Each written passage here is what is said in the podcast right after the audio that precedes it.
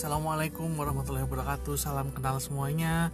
Uh, Saya sekalian kali ini aku mau share tentang uh, Gimana sih cara cek kesehatan keuangan kita. Jadi uh, ini cara yang paling simple banget Dan paling mudah, paling basic ya. Jadi ada berbagai macam cara yang lebih advance tapi kita ngomongin lebih paling basic dulu aja. Jadi biar mengetahui atau jadi early warning buat kita semua sebenarnya kondisi keuangan kita itu sehat atau sakit sih gitu kan. Jadi sebenarnya ada dua teknik yang paling basic sekali.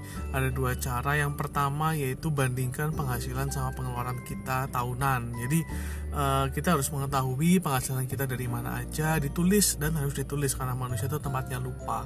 Jadi ditulis penghasilan rutin dari mana aja, penghasilan insidental dari mana aja, freelancer dari mana aja, uh, dari hasil bunga seperti apa, dari investasi kayak gimana, ditulis penghasilannya dalam setahun berapa di total, lalu ketemu total penghasilan setahun. Dan dibandingkan biaya kita, biaya yang keluar kita selama setahun tuh apa aja sih, biaya rutin berapa, biaya liburan berapa, biaya untuk pengembangan diri berapa, biaya untuk pengembangan usaha berapa, dan sebagainya. Ditulis sampai akhirnya kita ketemu biaya setahun. Lalu akan ketemu dalam setahun tuh sebenarnya kita uh, lebih besar atau lebih kecil sih penghasilannya itu kan ketemu. Nah dari situ sebenarnya akan terlihat tuh sebenarnya potensi aset meningkat setiap tahun berapa. Itu cara pertama. Kita akan melihat apakah penghasilan kita lebih besar atau lebih kecil daripada biaya dalam setahun. Setelah selesai, kalau itu checklist pertama kalian lebih besar penghasilan, maka kondisi keuangan kalian sudah 50% sehat untuk basicnya.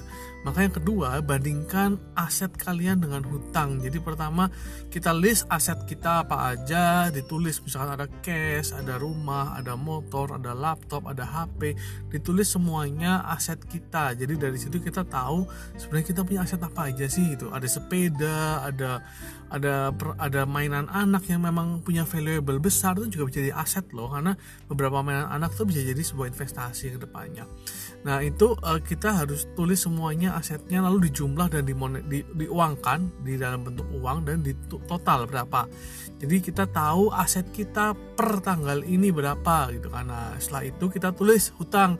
Kalian punya hutang apa aja, cicilan apa aja nih, cicilan rumah berapa, tersisanya ya. Misalkan rumah 500 juta udah tercicil 200 juta oke berarti cicilan rumah yang belum lunas ditulis 300 juta. Cicilan motor yang belum lunas 5 juta. Cicilan HP atau laptop yang uh, belum lunas misalkan 5 juta ditulis semuanya.